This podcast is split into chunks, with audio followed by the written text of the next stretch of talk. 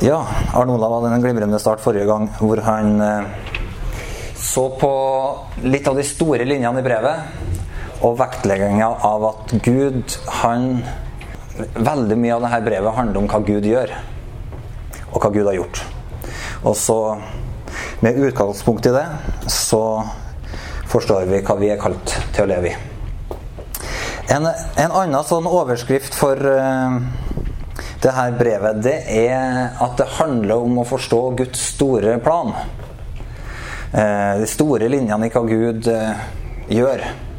Og, og der du, begynner jo Paulus i begynnelsen i brevet sitt å snakke om eh, hvordan Gud skapte alt i Jesus Kristus. Og hvordan eh, Guds plan dreide seg om Jesus allerede lenge før Allerede før verden ble skapt. Eh, og det er jo litt sånn eh, interessant, fordi vi ofte tenker at uh, Guds plan, eller hele denne Jesus-greia, det var noe som Gud kom på etter at menneskene hadde synda og trengte en frelser. Men det er faktisk sånn at Guds plan handla om Jesus, og at alt er skapt for han, ved han og til han. Og tanken bak hele skaperverket var at vi skulle komme til Jesus allerede fra begynnelsen av. Så, så, det ligger som et sånt eh, bakteppe. Og i dag så har jeg tenkt at vi skal lese et avsnitt fra kapittel 2 og vers 11. Så Skal vi lese noen vers eh, til ut i kapittel 3, eh, 11. Og se på noen sider der av hva Paulus Litt i tråd med denne åpninga som Siri hadde om betydninga av forsoningsverket. Og så etterpå skal vi i kapittel fire og jobbe videre med hvordan eh, det her eh, skjer, eller får et praktisk uttrykk, da. Så er dere med på det? Så hvis dere har med bibler, så er det supert å slå opp i Efeserne 2 og vers 11. Skal vi ta be til Gud sammen før vi går videre? Far, vi ber om at du skal komme akkurat nå, far.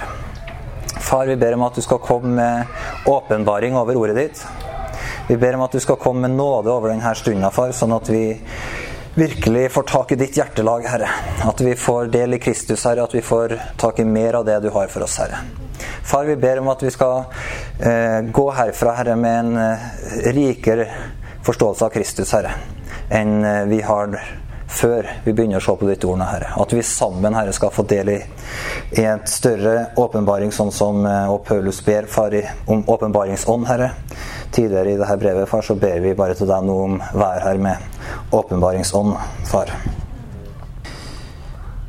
Dere var, nei, dere som en gang var hedninger av fødsel, ble kalt uomskårne av dem som kalles omskårne, de som er omskåret på kroppen av menneskehånd. Husk at dere den gang var uten Kristus, utestengt fra borgerretten i Israel, uten del i paktene og løftet, ja, uten håp og uten Gud i verden. Men nå, i Kristus Jesus, er dere som var langt borte, kommet nær på grunn av Kristi blod. For han er vår fred. Han som gjorde de to til ett og rev ned den muren som skilte fiendskapet. Ved sin kropp har han opphevet loven med dens bud og forskrifter. Slik stiftet han fred da han av de to skapte ett nytt menneske i seg. I én kropp forsonte han dem begge med Gud da han døde på korset, og slik drepte fiendskapet. Han kom og forkynte det gode budskapet om fred, både for dere som er langt borte, og for dem som var nær. Gjennom han har både vi og dere adgang til Far i én ånd. Derfor er dere ikke lenger fremmede utlendinger. Nei, dere er de helliges medborgere og Guds familie. Dere er bygd opp på apostlene og profetenes grunnvoll med Kristus Jesus selv som hjørnestein. Han holder hele bygningen sammen, så den vokser til et hellig tempel i Herren. Og i Han blir også dere bygd opp til en bolig for Gud i ånd. Derfor bøyer jeg mine knær, jeg Paulus som nå er Kristi Jesu fange for dere hedningers skyld. Dere har hørt om den forvalteroppgaven Gud i sin nåde har gitt meg hos dere. I en åpenbaring ble mysteriet gjort kjent for meg. Jeg har ovenfor skrevet ganske kort om dette, og når dere hører det opplest, kan dere skjønne hvilken innsikt jeg har i Kristi mysterium. Det var ikke gjort kjent for menneskene i tidligere slekter, men nå er dette mysteriet ved Ånden blitt åpenbart for Hans hellige apostler og profeter. At hedningene har del i samme arv, samme kropp og samme løfte i Kristus Jesus ved evangeliet. Jeg ble en tjener for dette evangeliet da Gud med sin veldige kraft ga meg sin nådegave. Jeg som er den minste av de hellige, har fått den nåde å forkynne det gode budskapet om Kristi ufattelige rikdom for folkeslagene og bringe Guds frelsesplan fram i lyset. Det mysteriet som fra evighet av har vært skjult hos Gud, Han som skapte alt. Slik skulle Hans mangfoldige visdom bli kunngjort gjennom Kirken for maktene og åndskreftene i himmelrommet etter Guds evige forsett som han nå har fullført i Kristus Jesus, vår Herre. Så her eh, går vi midt inn i kjernen i evangeliet som Paulus forkynner. Det er evangeliet om forsoning eller om fred på korset. Det er stedet der Kristus ble korsfesta, og skillelinja mellom jøder og hedninger ble oppheva. Fiendskapet tok slutt. Og du vet, det her forteller oss eh, noe om eh, en, en, ting som er litt interessant. Du kan lese Efeserbrevet sammen med Kolossebrevet. Det er to sånne brev som er ganske sånn parallell i fokuset sitt. Inneholder mye av de samme eh, fokusområdene. Og I, i Kolossebrevet så har du det her avsnittet om at i Kristus Jesus så er det ikke mann eller kvinne, slave eller fri, barbar, skyter osv. Så, men, så der hører du Paulus tar hele linja av alle slags eh, motsetninger, alle slags konflikter som fins på denne jorda. Så ramser han den opp, og så sier han i Kristus er alt forena. Um, og det er det, Men når Paulus snakker her i Efeserbrevet, så tar han for seg den en av de grunnleggende konfliktene, nemlig at det har vært en eh, skille her mellom jøder og hedninger. Og det er litt uh, interessant fordi at uh, det er helt tydelig at Jesus kom altså Paulus sier her da at han som er vår fred, han gjorde de to til ett. Altså jøder og hedninger til ett. Da han rev ned muren som skilt fiendskapet ved sin kropp. Så Kristus kom for å bringe sammen det som ikke var forenlig. Og så sier han videre da at, eh, at eh, det her Hvis du leser videre, så sier han at denne enheten som vi finner i Kristus, det er Det kaller han Kristi mysterium. Vi skal, komme litt tilbake til det. Men det er noe som har vært skjult, som Gud holder på å bringe fram i lyset. Men, men eh, men det, det, som er det store Hvis vi skal forstå hvordan Paulus tenker her, så, så er det store paradigmet det er at Paulus hele veien i brevet her, og det kan du legge merke til mange steder, hele tida flytter fokuset fra oss over på Gud. Så her sier han at eh, det er ikke sånn at vi forstår Guds plan på en sånn måte at Guds plan handler om hedningefolkene. Nei, det er ikke sånn at vi forstår Guds plan, at Guds folk handler om, om, eh, om jødene. Nei, vi forstår Guds plan, den handler om Kristus. Jesus som er sentrum. Det er han det handler om. Alt er skapt ved han og for han. Så med en gang vi begynner å putte andre ting i sentrum F.eks. det er ikke sånn at Guds plan handler om meg, eller Guds plan handler om deg. Men Guds plan handler om Jesus. Alt er til for han. Og da forstår vi det at hele Du vet, Han bruker et uttrykk her. Han sier eh, at dette mysteriet det er at hedningene har fått del i samme arv, samme kropp og samme løfte i Kristus Jesus ved evangeliet. Så det, så det, han sier, det er at eh, det har vært en plan fra evigheten hos Gud som har hatt sentrum i Jesus. Det har handla om Jesus. Og så, opp gjennom Guds frelsesplan, så har Gud brukt et folk, et eiendomsfolk, som var Og hensikten med dette folket var å bringe fram Kristus. Og det var å bringe fram et eiendomsfolk som kjente Kristus. Så når du leser denne eh, åndelige historien som vi har fått del i Vi har fått del i den samme arva. Når du leser den åndelige historien i, i Bibelen om det her israelsfolket og alt som skjedde, så vet du at det er en historie om et folk som Gud hadde en plan for i Kristus. Så du ser f.eks.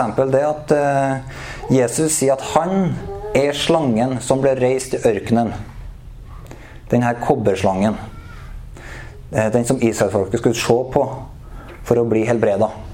Tro på for å bli frisk. Jesus sier om seg sjøl jeg er menneskesønn, er denne slangen som ble reist. Som er en hentydning til korset. Og så sier Paulus sier klippen med levende vann som fulgte dem i ørkenen, det var Kristus.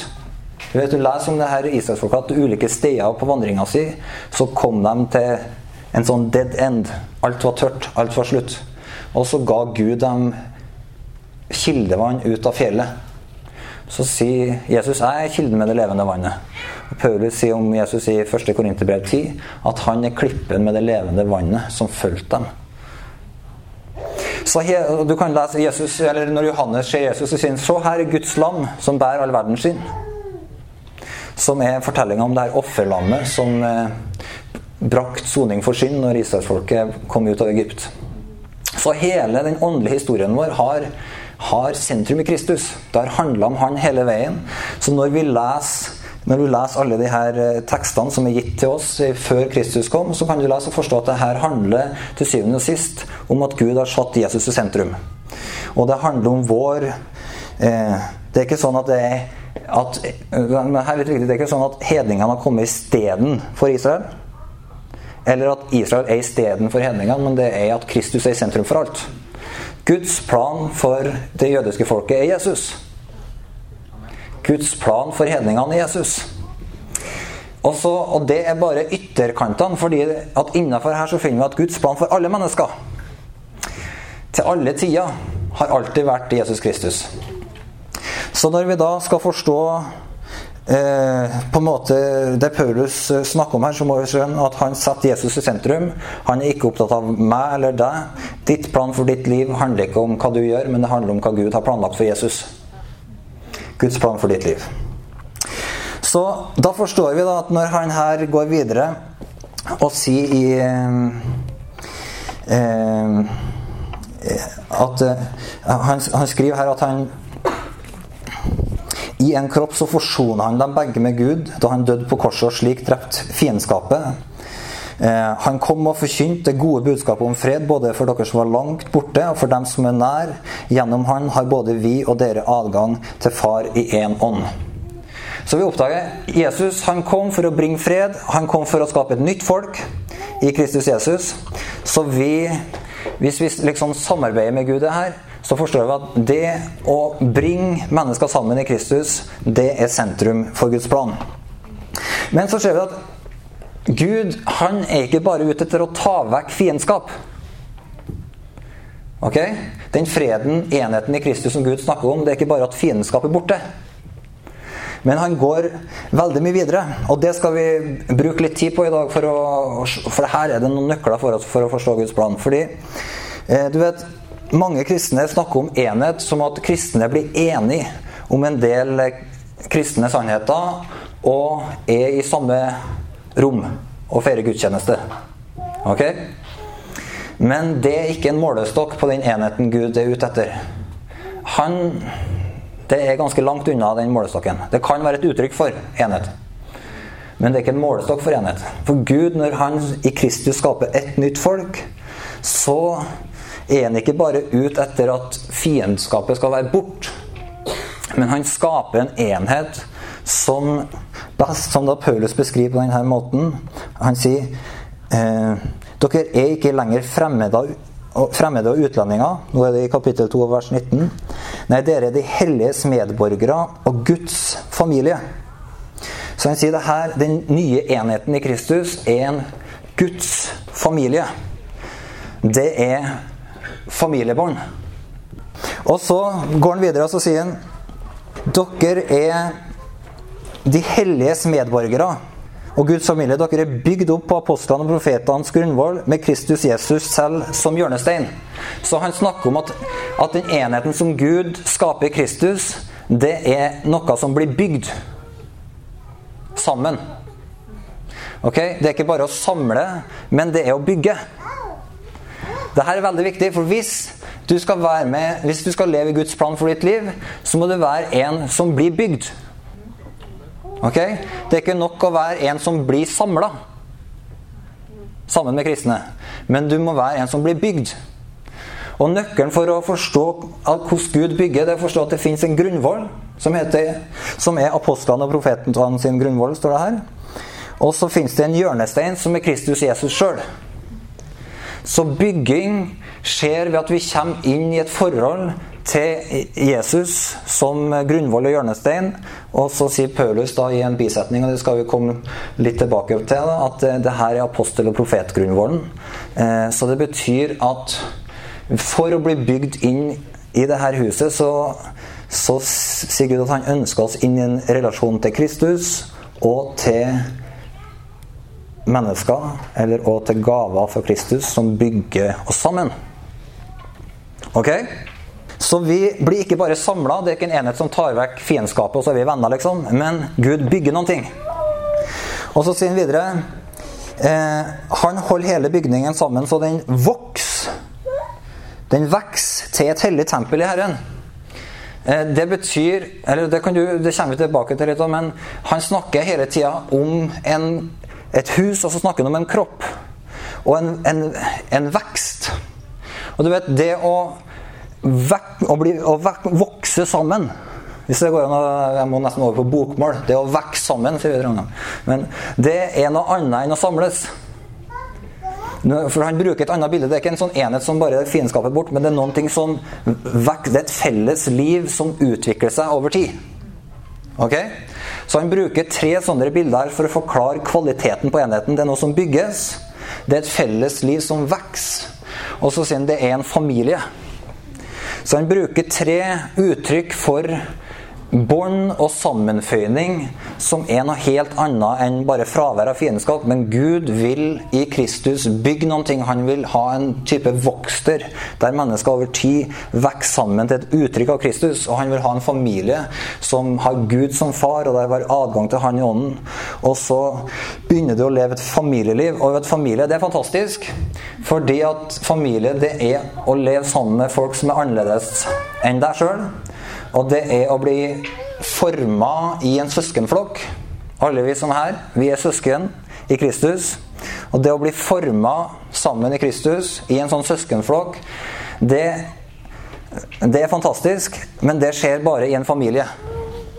Fordi at eh, familien knytter ting sammen sjøl når du har lyst til å stikke av.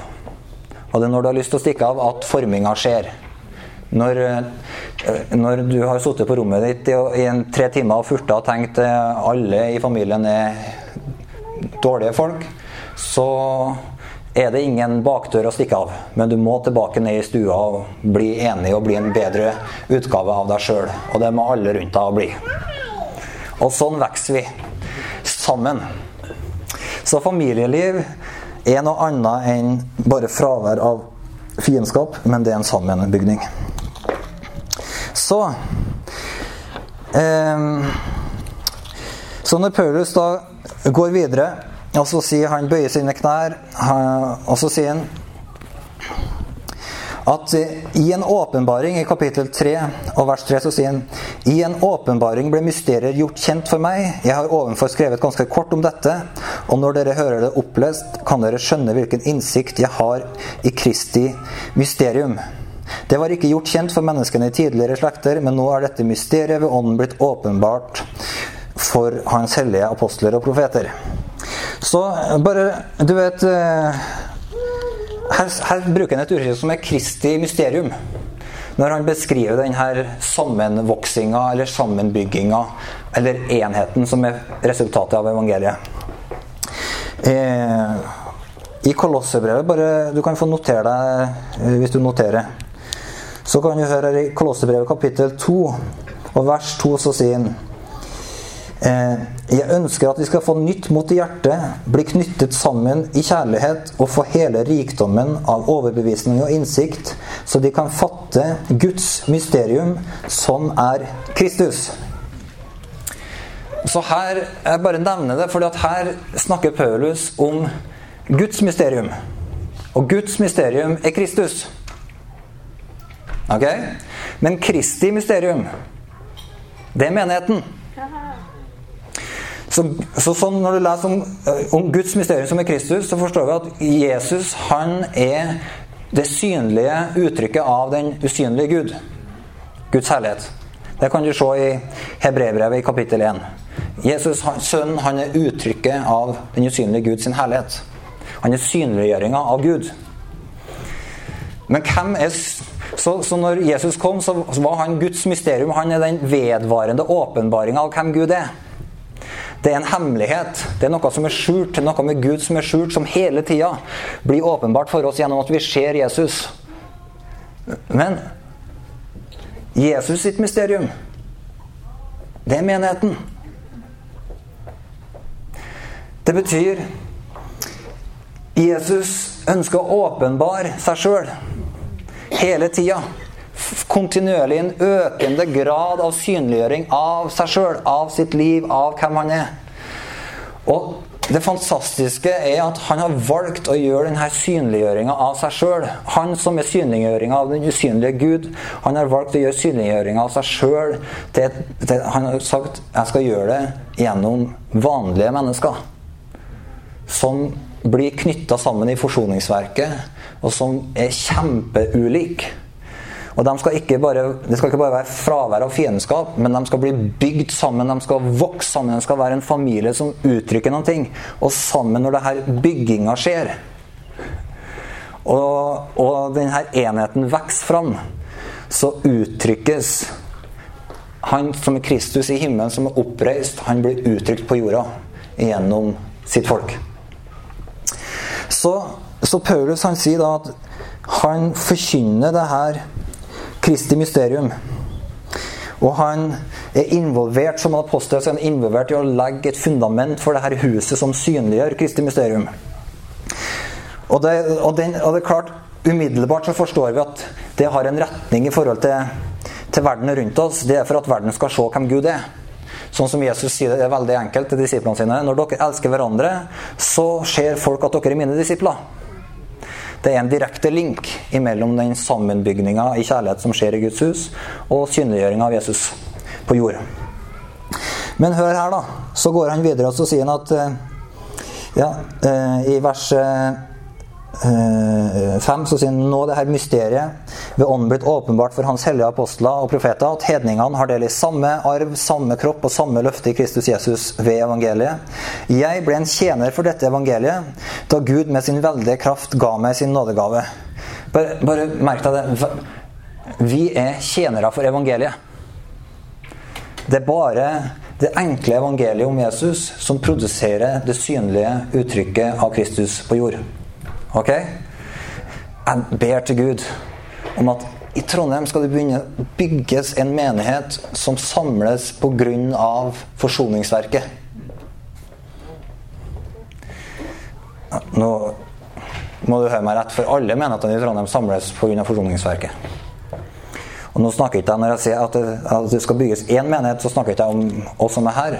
Men, jeg, jeg bare, det, men at Gud skal få et uttrykk i Trondheim av et folk som er til fordi noen har gjort tjeneste for evangeliet. Og som er bygd sammen pga. evangeliet. Og ikke pga. alle mulige menneskelige preferanser og skillelinjer, men ved det enkle evangeliet. I den menigheten er det plass for alle mennesker. I alle aldre. Alle slags uh, ulike eh, yrker og bakgrunner og språk osv. La oss være tjenere for evangeliet. Og så sier han i vers 8.: Jeg som er den minste av de hellige, har fått en nåde å forkynne det gode budskapet om Kristi ufattelige rikdom for folkeslagene, og bringe Guds frelsesplan fram i lyset, det mysteriet som fra evighet av har vært skjult hos Gud, han som skapte alt. Slik Hør her. Slik skulle hans mangfoldige visdom bli kunngjort gjennom kirken eller menigheten for maktene og åndskreftene i, himmelrommet etter Guds evige forsett som han nå har fullført i Kristus Jesus, vår Herre. Så synliggjøringa av Kristus som er oppreist og sitter ved Faderens høyre hånd, er ikke bare i forhold til menneskene på jorda, men det er òg en demonstrasjon av Guds visdom inn i det himmelske. Wow! Ikke det er fantastisk? Gud bruker vanlige mennesker, tilgitte syndere som har fått nåde og fred med Gud, til å demonstrere sin egen herlighet inn i møte med det usynlige, inn i møte med engler og den himmelske virkeligheten. Wow! For et perspektiv av å være Guds familie. Et uttrykk av den usynlige Gud. Skal vi gå til kapittel fire og bare se hvordan eh, det her eh, uttrykket på en veldig praktisk måte blir kjøtt og blod. Er det greit så langt? Spørsmål? Ok, vi kan ta dem til slutt eventuelt. Kanskje bedre det. Kapittel 4, vers 1. Ehm, så formaner jeg dere, jeg som er fange for Herrens skyld, at dere lever et liv som er verdig det kallet dere har fått, i mildhet, ydmykhet og storsinn, så dere bærer over med hverandre i kjærlighet. Sett alt inn på å bevare Åndens enhet i den fred som binder sammen. Så her ser vi at det er et veldig fokus på den enheten som er brakt fram i Kristus, og så er det en enhet i ånden her. Så sier han det er én kropp Én ånd, slik dere fikk ett håp da dere ble kalt. Én Herre, én tro, én dåp, én Gud og alles Far. Han som er over alle og gjennom alle og i alle. Så her sier han at det her er det Gud har gjort i evangeliet. I at han reiste Jesus opp fra de døde, så er det én kropp. Han har utgitt én håp, han har gitt oss ett håp. En Herre, en tro, en dåp, og det er en Gud som er alles far. Så enheten er allerede etablert i evangeliet. Og så forklarer han videre hvordan det her vokser fram. Så sier han til hver enkelt av oss er nåden gitt, alt ettersom Kristi gave blir tilmålt. Derfor heter det han steg opp i det høye og bortførte fanger, og til menneskene ga han gaver. At han steg opp, må jo bety at han først var steget ned til det aller laveste til jorden. Og han som steg ned, er den samme som steg høyt opp over alle himler for å fylle alt. Og det var han som ga noen til å være apostler, noen til profeter, noen til evangelister og noen til hyrder og lærere, for å utruste de hellige til tjeneste, så Kristi kropp bygges opp. Her, her ser du det her miksinga av bygging og vekst igjen. Kristi kropp skal bygges opp. Det er på en måte det byggespråk, og det er voksespråk.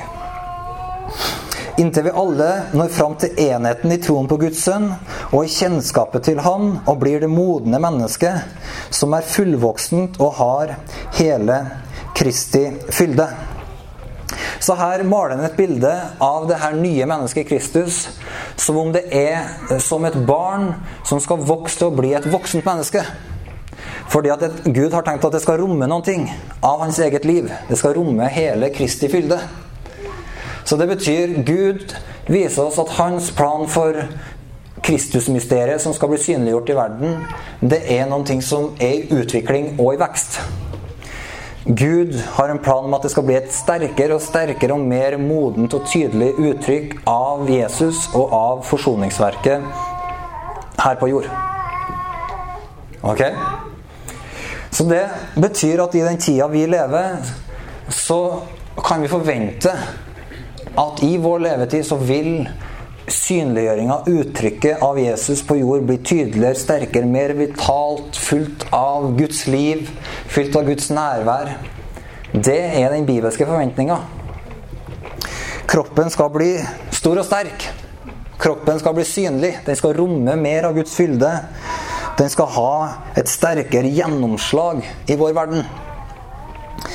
Og så sier han at eh, etter at Jesus da steg opp til det høye, etter at han var oppreist fra de døde, så begynte han å gi apostler, profeter, evangelister, hyrder og lærere for å utruste de hellige til tjeneste, og for at eh, Kristi kropp skulle bygges opp. Så det betyr Jesus er nå involvert i å bygge kroppen.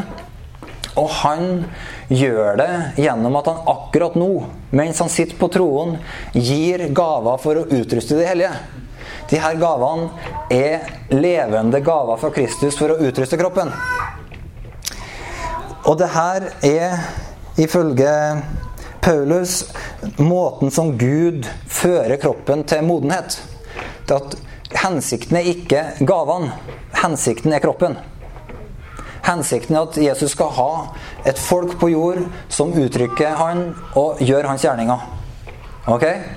Så Gud han sier til oss her er en gave, ta imot.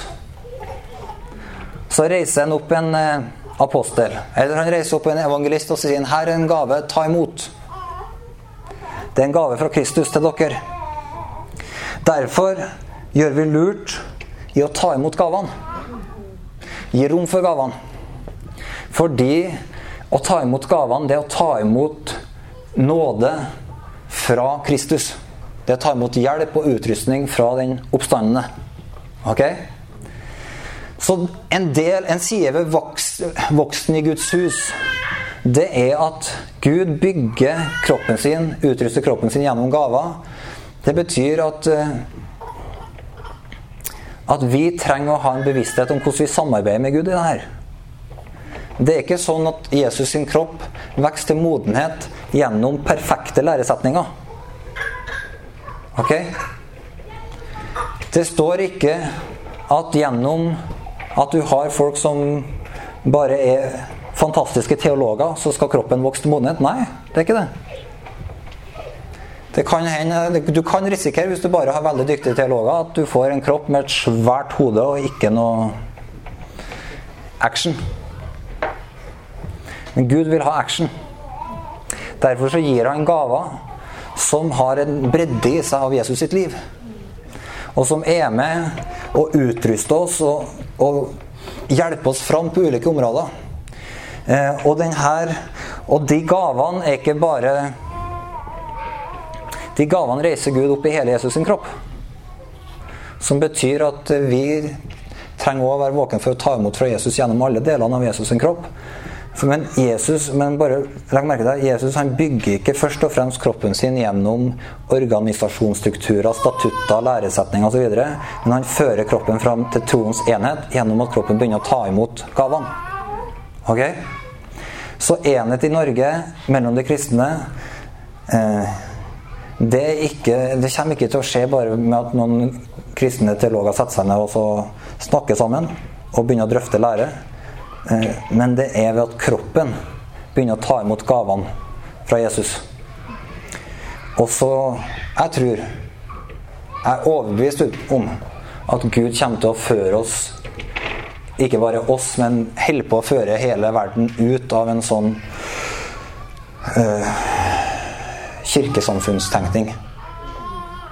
Og inn i et forhold til Kristus der vi tar imot gaver fra Han og begynner å forholde oss til en kropp og Jesus gjennom gaver istedenfor kirkesamfunnsstrukturer og læresetninger og sånne ting. Jeg tror det ligger i det her. Gud gjør det. Og så sier han noe interessant. Resten av dette verset utrolig, eller kapitlet er utrolig viktig for å forstå bygginga i Guds hus. Hør her. Vi skal ikke lenger være umyndige småbarn, ikke la oss kaste hit og dit og drive omkring ved hvert eneste vindpust av ny lære, så vi blir et bytte for menneskers falske spill og listige, forførende knep, men vi skal være tro mot sannheten i kjærlighet, og i ett og alt vokse opp til Han som er hodet, Kristus. Ok? Hodet for kroppen er i himmelen. Det er Kristus. Ut fra han blir hele kroppen sammenføyd og holdt sammen av hvert bånd og ledd. Alt etter den oppgaven hver enkelt har fått tilmålt, så kroppen vokser og bygges opp i kjærlighet. Så Jesus han virker fra himmelen som hodet, så virker han inn i kroppen gjennom at han gir gaver. Men så står det òg her at han virker gjennom hvert støttende bånd og ledd. Ok. Så hvis vi skal ha del i å bli bygd inn i Guds hus, hvis vi skal være en del av denne veksten som Gud holder på med, og ikke bare være sånne folk som blir samla, men folk som blir bygd, så trenger vi å komme inn i en relasjon til Jesus der vi kjenner Han på en sånn måte at vi kjenner Han gjennom hvert støttende ledd og bånd. Ok? Jeg trenger å forholde meg til Jesus som er i himmelen, gjennom ledd og bånd i kroppen hans på jorda. Og ledd og bånd, det er sånne funksjoner som holder kroppen sammen. Ok? Så hvis du skal gi rom for Jesus i livet ditt, så trenger du, for at han skal bygge deg inn i sitt hus, så du kan være med å uttrykke Kristus der du er, og være med å realisere Guds plan for det stedet der du bor, så trenger du å ta imot støttende ledd og bånd i huset hans, i kroppen hans. Så på dette stedet, i denne forsamlinga, så har vi noen sånne støttende ledd og bånd. Det er bl.a. vi har noen sånne menighetstjenere som holder ting sammen mellom oss. Svein Arne og Marius. En måte for deg å komme inn i en vekst i å bli bygd inn i huset og bli sammenføyd med kroppen, det er å gi rom for Marius og Svein Arne når de holder kroppen sammen. Ok? Når du gir rom for dem, som er sånne støttende ledd og bånd, så gir du rom for Kristus til å virke med støttende ledd og bånd inn i kroppen sin, sånn at vi begynner å fungere sammen. Så har vi noen gruppeledere som samler folk. Og når du gir rom for dem, og gjør det lett for dem å samle grupper, gjør det lett for dem å, å gi en retning, da gir du rom for støttende ledd og bånd som Kristus har gitt inn i menigheten sin. Ok? Og det hjelper deg til å bli bygd inn i huset, og ikke bare være en som der fiendskapet bort, men du blir òg bygd inn.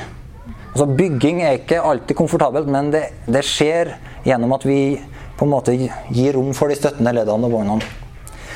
Eh, når hele menigheten samles, så er det eldste som kaller menigheten sammen. Og det er et sånn støttende ledd og bånd som hvis du gir rom for det, så gjør du det enklere for Jesus å bygge deg inn i huset sitt. Så, så det er interessant. Støttende ledd og bånd er en viktig del for at kroppen skal vokse og bygges opp i kjærlighet. Så det er en del av måten vi møter Kristus på. Vi møter den gjennom gaver, og vi møter den mellom, gjennom støttende ledd og bånd i kroppen. Og så forstår vi da at når vi kommer inn i denne kroppen, så kommer vi inn i en eh, familie. Og her eh, I resten av dette kapitlet så tror jeg vi gjør lurt i å la det her familiebildet ligge til grunn for å forstå hvordan Paulus snakker om vekst og bygging. Vi kan lese fra vers 20. Først så snakker han om, eh, om dem som er formørka og fremmede for livet i Gud. Men så sier han men dere er ikke slik. Dere har gått i lære hos Kristus. Dere har hørt Han og fått opplæring i Han ut fra den sannhet som er Jesus. Lev da ikke som før, men legg av det gamle mennesket som blir ødelagt av de forførende lystne. Bli nye i sjel og sinn, kle dere i det nye mennesket som er skapt i Guds bilde, til et liv i sann rettferd og hellighet. Legg derfor av løgnen og snakk sant til hverandre, for vi er hverandres lemmer. Blir dere sinte, så synd ikke, og la ikke solen gå ned over deres vrede. Gi ikke djevelen rom. Den som har stjålet, skal ikke lenger stjele, men arbeide og gjøre noe nyttig med sine egne hender, så han kan ha noe å gi til dem som trenger det. La ikke et eneste råttent ord komme over leppene, si bare det som er godt, og som bygger opp der det trengs, så det kan bli til velsignelse for dem som hører på. Gjør ikke Guds hellige ånd sorg, for ånden er det seilet som dere er merket med helt til frihetens dag. Eh, slutt med all hardhet og hissighet, med sinne, bråk, spott og all annen ondskap. Slutt med det. Vær gode mot hverandre, vis medfølelse og tilgi hverandre slik Gud har tilgitt dere i Kristus. Det her er jo godt stoff. Men ofte når jeg, jeg er i hvert fall sånn når jeg har eh, Nå skal jeg komme med en innrømmelse. Det er ikke sikkert du er sånn. Men av og til når jeg leser Bibelen, så leser jeg sånn Å, det her var interessant og interessant. Så bare Ja da, ja da, ja da. Ja, da. Og så Å, det her var interessant. Det, ofte så har det her for meg vært en sånn her Ja da, ja da, ja da. Ja, da. Det er sånne forskjellige formaninger fra Paulus om å leve eh, rett og godt. Men vet du, det her er skattkiste hvis du er kobla på i familieliv. Denne formaninga trenger du ikke hvis du vil leve som en sånn eh, fri fri eh, frikobla kristen. Ok? Da kan du lese dette avsnittet bare sånn ja da, ja da, ja da. Men hvis du ønsker å leve familieliv, bli bygd sammen med søsken og uttrykke Kristus i en sånn enhet som Gud vil ha, da er det her skikkelig sånn eh, overlevelsesstoff. Bli nye i sjel og sinn. Kle dere i det nye mennesket som er skapt i Guds bilde til et liv i sann rettferd og hellighet. Legg derfor av løgnen og snakk sant til hverandre, for vi er hverandres lemmer. Hæ? Legg av alt hykleri, for vi er hverandres lemmer. Legg av alle fasader og forsøk på å prøve å fremstå bedre enn du egentlig er. For vi er hverandres lemmer. Vi trenger hverandre. Gi rom for søsken. Gi rom for søsken når du ikke har det bra. Gi rom for søsken når du har det bra. Ikke bygg fasader. Ikke lev fast. Ikke lyv for hverandre. Lev ærlig. Lev åpent. Blir dere sint, blir dere sint, så synd ikke, og la ikke sola gå ned over deres frede. Hadde vi bare lærte å leve i det, folkens. Legg deg aldri med noen ting uoppgjort.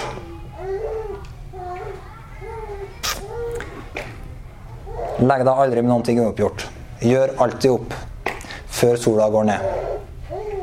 Og det er ikke bare i forhold til kjæreste eller ektefelle eller familie, men det er over hele linja. Lev i oppgjorte forhold til alle mennesker. Ok?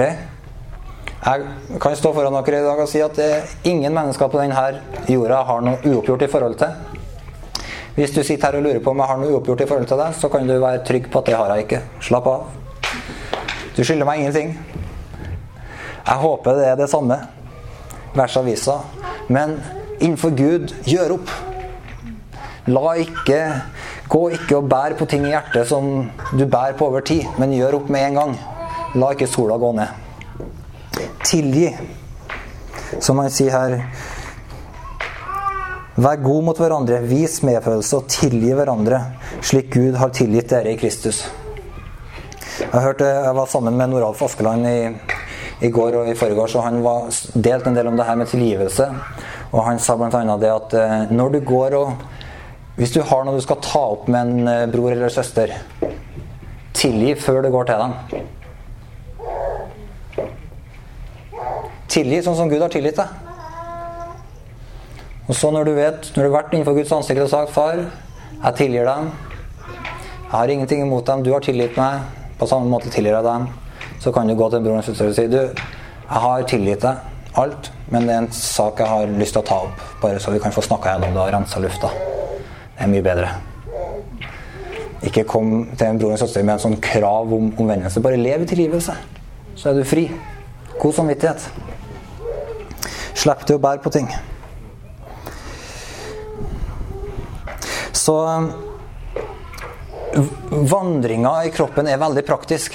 Sammenbygginga er veldig praktisk. Det, går, det koker helt ned til hvordan er det vi snakker sammen. Hvordan, I hvilken grad lever vi åpent eller bygger fasader som vi gjemmer oss bak.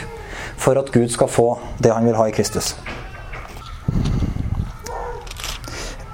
Hvis du vil, så kan du ta og lese videre i i kapittel 5 om hvordan du forholder deg til Kristus, den oppstandende, i møte med ektefeller, barn, arbeidsgiver osv. Og, og det er et kjempesentralt avsnitt som rett og slett handler om at hvis vi forholder oss til Jesus som hodet i himmelen, så berører det en hel del ting forholdet, som berører forholdet vårt til ting på jorda.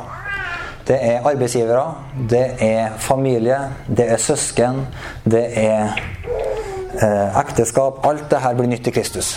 Og vi forholder oss til Jesus gjennom myndigheter i samfunnet osv. Og, og det å ha sin sak i orden med Jesus er å ha sin sak i orden med mennesker i alle disse forholdene, for det er en representasjon av Kristus som vi møter i alle disse tingene. Eh, så Gud er en bygger. Han er en far. Han har forberedt Han ønsker at Kristus skal ha en moden kropp som vokser og utvikler seg og rommer Kristi fylde. Og alt det her for enkle trøndere og nordlendinger og sørlendinger og sånt være med på ved Guds nåde og uttrykke Kristi mysterium for verden, Kristi mysterium i forhold til det himmelske i et sånt praktisk, enkelt, jordnært liv. Amen.